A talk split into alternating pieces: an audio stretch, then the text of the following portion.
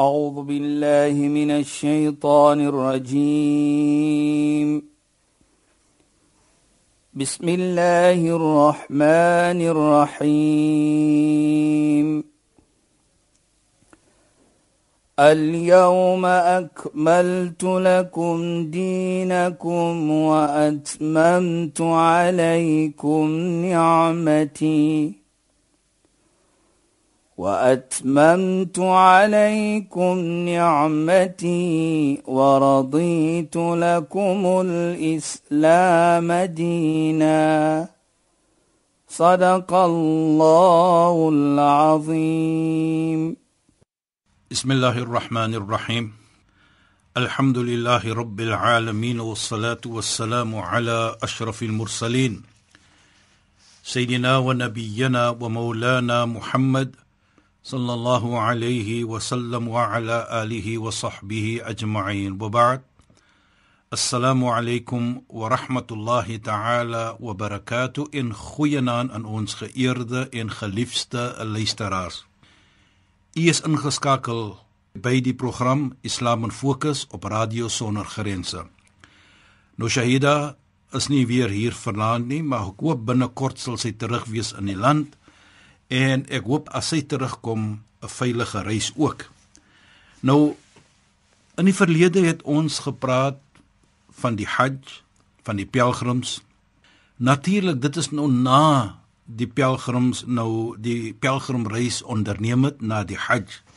Maar vanaand en miskien nog een of twee programme wil ek net praat van die Hajj self. Byvoorbeeld wat die Hajj bedoel. Hoe affekteer dit die persoon wat die pelgrimsreis onderneem het? En ons begin by 'n versie in die Heilige Koran waar Allah subhanahu wa ta'ala sê: "Al-Hajj ashhurun ma'lumat. Faman farada fihinna al-Hajj fala rafadha wala fusuqa wala jidala fil Hajj." Die Hajj self is 'n sekere klompie van maande. Wat bekend is natuurlik. Ons weet wat dit is, maar laat ons net verder neem. Van man farda fihin al-hajj. En die persoon wat die hajj die pelgrimsreis onderneem wat natuurlik verpligting is fard is op hom of haar. Hier praat Allah baie mooi En hy sê fala rafatha wala fusuqa wala jidal fil hajj. Hy sê moet dan nie verkeerde iets doen nie. Moenie slegte iets doen nie.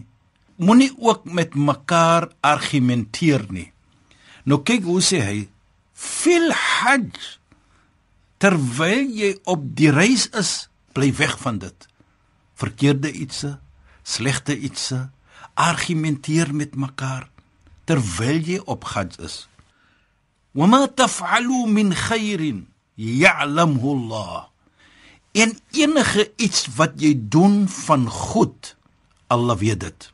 Nou wat vir my baie beïndruk in hierdie versie is hoe Allah subhanahu wa ta'ala vir ons sê wat om te doen terwyl ons die pelgrimreis, die Hajj onderneem.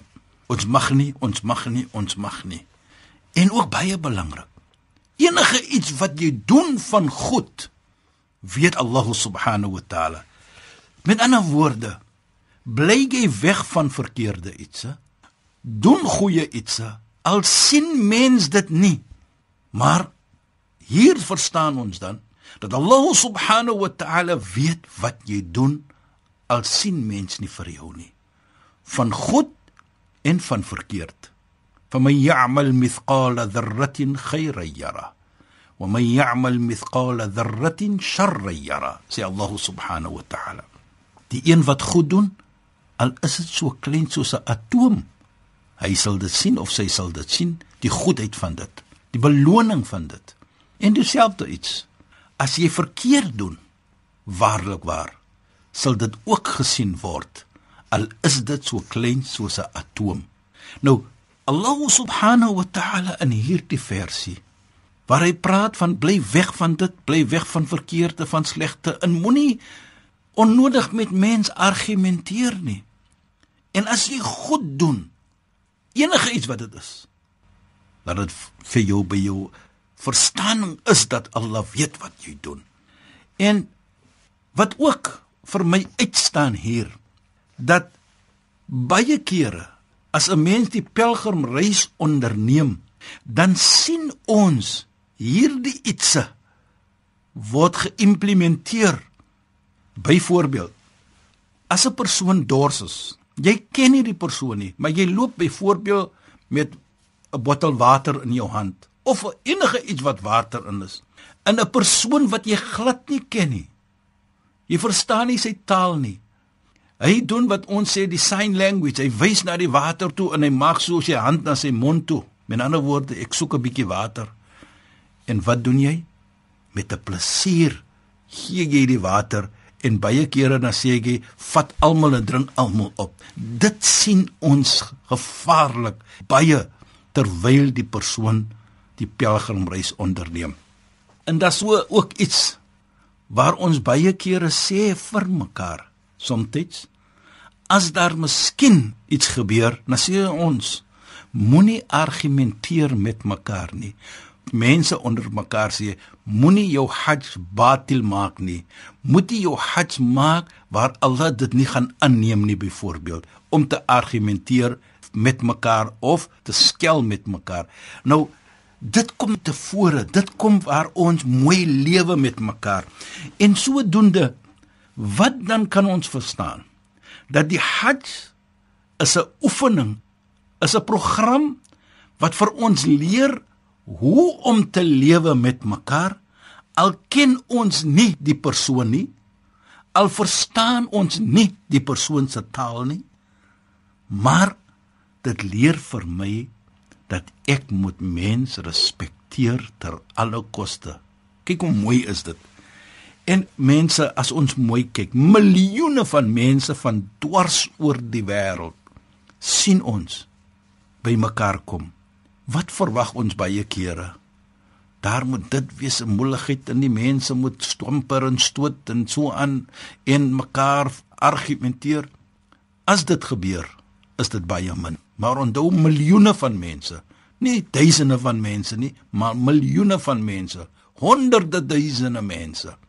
En kyk, die versie van die Koran word dan geïmplementeer terwyl jy op hierdie wonderlike reis is of was. Nou sien ons ook dan baie belangrik dat die Hajj persoon wat onderneem die Hajj, hy is in beheer van homself. Hy kontroleer sy emosies. En dit is as ons dit doen waar ons demonstreer dat ons in beheer van onsself is deur nie mens onreg aan te doen nie deur nie verkeerde iets te doen nie deur nie argumenteer met mekaar nie. Kyk wat sê die heilige profeet Mohammed sallallahu alayhi man hajja falam yarfuth walam yafsuq kharaja min dhunubihi kayawmin waladatu ummu sallallahu alayhi. Kyk net hoe mooi. Die een wat die pelgrims onderneem sê die heilige profeet en hy argument nie. Hy skel nie met die mens nie. Hy doen nie verkeerd aan mens nie. Waarlik waar sy sonde sal hy verstoot hy sal vergewe word en hy sal wees net soos die dag sy moeder geboorte gegee het aan hom wat bedoel dit? Volgens islam glo ons enige persoon wat kom in die wêreld hy is sondeloos. Hy het nie sonde nie. Ons glo dit.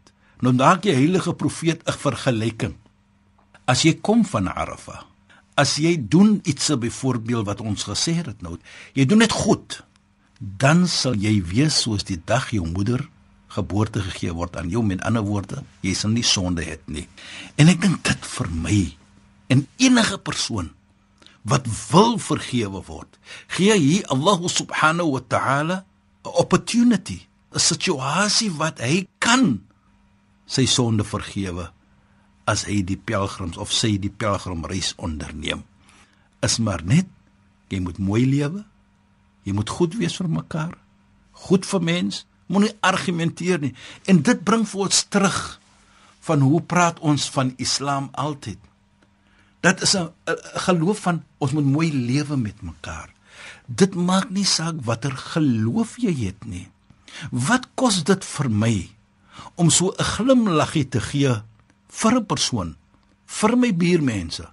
Dit maak nie saak watter geloof hy of sy is nie, maar net 'n glimlag wat jy moet gee. En dit is wat die heilige profeet sê: "At-tabassum fi wajhi akhika sadaqa." Daardie glimlaggie in die gesig van 'n medemens is 'n vorm van almoes wat ons sê 'n sadaqa. Jy doen iets goed. Nou kyk net hoe daardie persoon voel die oomblik jy so 'n glimlaggie, 'n goeie, 'n mooi gesig gee. Dan daardie persoon voel dan hy's belangrik. Daardie persoon voel dan hy word gerespekteer. Maar kyk jy daardie persoon aan met 'n aglike gesig, met 'n nare gesig. Ooh, dan word gesê daardie persoon se gesig is daarmee goed nie. Hy sal of sy sal nie mooi praat van so 'n persoon nie. Maar dieselfde tyd, ek is nie 'n mediese dokter nie, maar hulle sê ook as jy so 'n glimlag gee, dan is daar so 'n oefening van die gesigspiere en hoeveel spiere word geoefen deur daardie glimlag. So as jy ook glimlag, jy doen nie net self vir 'n persoon goed nie, maar jy doen tot na vir jouself goed en sodoende wat word geaffekteer by dit? Net mooiheid? net lekkerheid en 'n manier waar daar liefde dan geskenk word. O, as daar liefde bestaan tussen mens as jy daardie glimlag. Nou bring dit vir my terug na die Hajj. Wala jidala fil Hajj. Munni argumenteer met mens nie. Gee so 'n glimlaggie vir mens. Gee 'n mooi gesig vir mens. Dan die resultate sal net mooi wees. Mens kan net mooi wees met mekaar as jy 'n mooi gesig gee vir mekaar. Mag jy 'n aglike gesig, 'n nare gesig, 'n gesig van norsheid, dan outomaties wat sal gebeur? Jy sal maak dat mens hulle wil nie in jou geselskap wees nie. Hulle wil nie vir jou teekom nie. Maar as daar 'n mooi gesig wees, daar's vriendskap, daar's vriendelikheid. Daar kom mooi iets ter vore en sodoende dit is wat die Hajj ook vir ons dan uh, leer en dit is wat ons bedoel wat ons sê jy is in beheer van jouself dit herinner vir my uh, van 'n mooi gesegde hadith van die heilige profeet Mohammed sallallahu alayhi waar hy sê shadidu bi sur'ah inma ash-shadidu alladhi yamlik nafsahu 'inda al-ghadab hy sê die persoon die sterk persoon is nie hy wat vir jou kan gryp en op die grond gooi en vir jou slaan nie nee dit is nie die sterk persoon nie Maar die sterk persoon sê die heilige profeet, is hy of sy, hy word kwaad of ene maak hom kwaad. Maar hy's in beheer van homself. Hy sê nie en hy doen nie iets wat sy medemens sal seermaak nie. Hy sê nie iets wat vir hom gaan minderwaardig voel nie. Nee. Maar hy's in beheer van homself. Dit vir my sê dat die Hajj, die onderneming van die Hajj leer vir jou daardie iets dan dat jy is in beheer van jouself. Jy mag nie menseer nie. Doen nie iets wat menseer maak nie. Dink net, miljoene van mense, hulle maak die tawaf wat ons later nog gaan van praat. Hulle loop om die Kaaba, maar die een gee om vir die ander. En dit sê van my baie duisende van mense loop om die Kaaba die tyd van Hajj 24 uur maar tot na vandag het ons nog nooit gehoor daar's 'n soos ons sê 'n geveg tussen die mense nie maar die tawaf self die Hajj dan leer vir ons hoe om om te gee hoe om in beheer te wees van jouself en doen ons dit dan sien ons hoe mooi die heilige profeet Mohammed dan gesê het soos ek gesê het jy is skoon van sonde. Jy word vergewe. Almal jou sonde word vergewe. En mense, wie van ons wil nie vergewe word nie? Wie van ons wil nie voor die Almagtige kom en ons sien dat Allah subhanahu wa ta'ala vir ons vergewe het. Hier kan ons dan die mense wat die pelgrimreis onderneem het, wat Allah die voorreg gegee het, ons kan dan vir hulle congratulate van hulle was daardie oomblik gegee die vergifnis wat almal van ons soek. En kom terug na die versie. Kyk net mooi. Al drie iets wat Allah van praat in die Heilige Koran. Rafatha wala fusuqa wa al drie daardie iets is geheg aan seermaak van mens. Ons moenie mens skel nie. Ons moenie argumenteer met hulle nie. Ons moenie mens seermaak nie. Dit so voort alles is te doen met mens. Met ander woorde, gee jy om vir mens. Respek mens. Daar lê jou vergifnis van Allah subhanahu wa ta'ala dan. En dit sê dan ook as jy wil sien hoe mooi 'n mens lewe met Allah subhanahu wa ta'ala, hoe is sy verbintenis tussen hom en Allah, dan moet jy kyk hoe is sy verhouding tussen hom en Allah se skepping. Met ander woorde, hoe is hy met die medemens? Hoe is hy of sy met sy buurmense? Hoe is hy of sy met sy vrou en sy familie? Of die vrou met die man en die familie? En die familie van die vrou en die familie van die man. Dit is hoe jy dan kan sien hoe 'n persoon se verhouding is met Allah subhanahu wa ta'ala. Is dit 'n sterk een? Streef hy daarvoor? En as hy moet sterk is en streef daarvoor, dan gaan hy streef om altyd maar 'n goeie woordjie te praat met mens. Hy gaan glimlag met mens en hy gaan iets se doen wat Allah subhanahu wa ta'ala vir hom beveel. Daarvoor is dit baie belangrik. As ons die pelgrims gaan besoek, dan sal hulle altyd vir ons sê: "Hy het al wêreld gereis al, maar hierdie reis is een van die wonderlikste reise." Hoekom? As jy mooi kyk, daar's swaarheid, daar's ongemaklikheid. Jy kan verstaan, jy slaap soms op die grond. By hotelle, terwyl jy in die tent is daar op Arafah, op Mina, 'n plek so buite Mekka 20 km. Maar dit sien jy nie meer raak nie, want jy sien die mooiheid van die Hajj, die mooiheid van hoe mens kan lewe met mekaar. Dit omhels alles. Jy sien daardie mooiheid. En as jy die persoon vra, sal jy weer volgende jaar met almal die ongemaklikheid as jy sê ja, ek sal weer volgende jaar gaan. En dit is wat jy natuurlik geïmplementeer het wat Allah wil hê van jou. En daarvoor sê Allah wa ma taf'alu min khairin ya'lamhu Allah. En enige iets wat jy doen waarlik waar Allah weet dit met ander woorde Allah gaan vir jou beloon.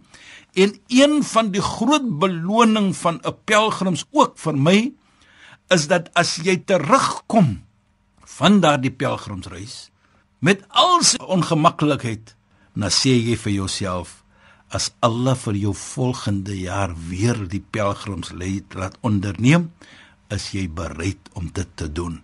En dit is een van die genade van Allah subhanahu wa ta'ala. Mense Daar sê Nadine vir my ons tyd is weer klaar. Maar dit was lekker om met julle te gesels en ek hoop julle het dit ook geniet en ek wens julle 'n wonder nagrus toe. Sheikh Dhafir Najjar het met julle gepraat vanaand en ek groet julle. Wassalamu alaykum wa rahmatullahi wa barakatuh in goeienaand. أعوذ بالله من الشيطان الرجيم بسم الله الرحمن الرحيم اليوم أكملت لكم دينكم وأتممت عليكم نعمتي وأتممت عليكم نعمتي ورضيت لكم الإسلام دينا. صدق الله العظيم.